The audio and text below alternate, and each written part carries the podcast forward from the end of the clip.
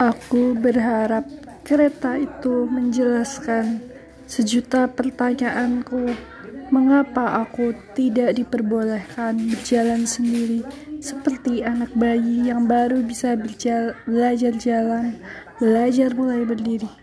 Tahu-tahu aku dijelaskan dengan beberapa kereta. Katanya itu pilihanku.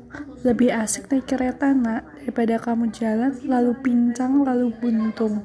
Karena itu nggak mungkin anestesi yang ditanam dalam diriku itu lebih dari sejuta poin. Jadi ya nggak mungkin aku menderita kesakitan. Singapura 1907 sampai 2021. Happy New Year's Xmas juga Jakarta. Walaupun kini aku di Jakarta, Singapura selalu menjadi sebuah sportivity sejarah.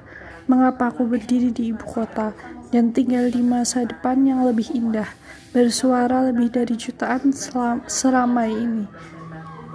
Kisah di depan depak.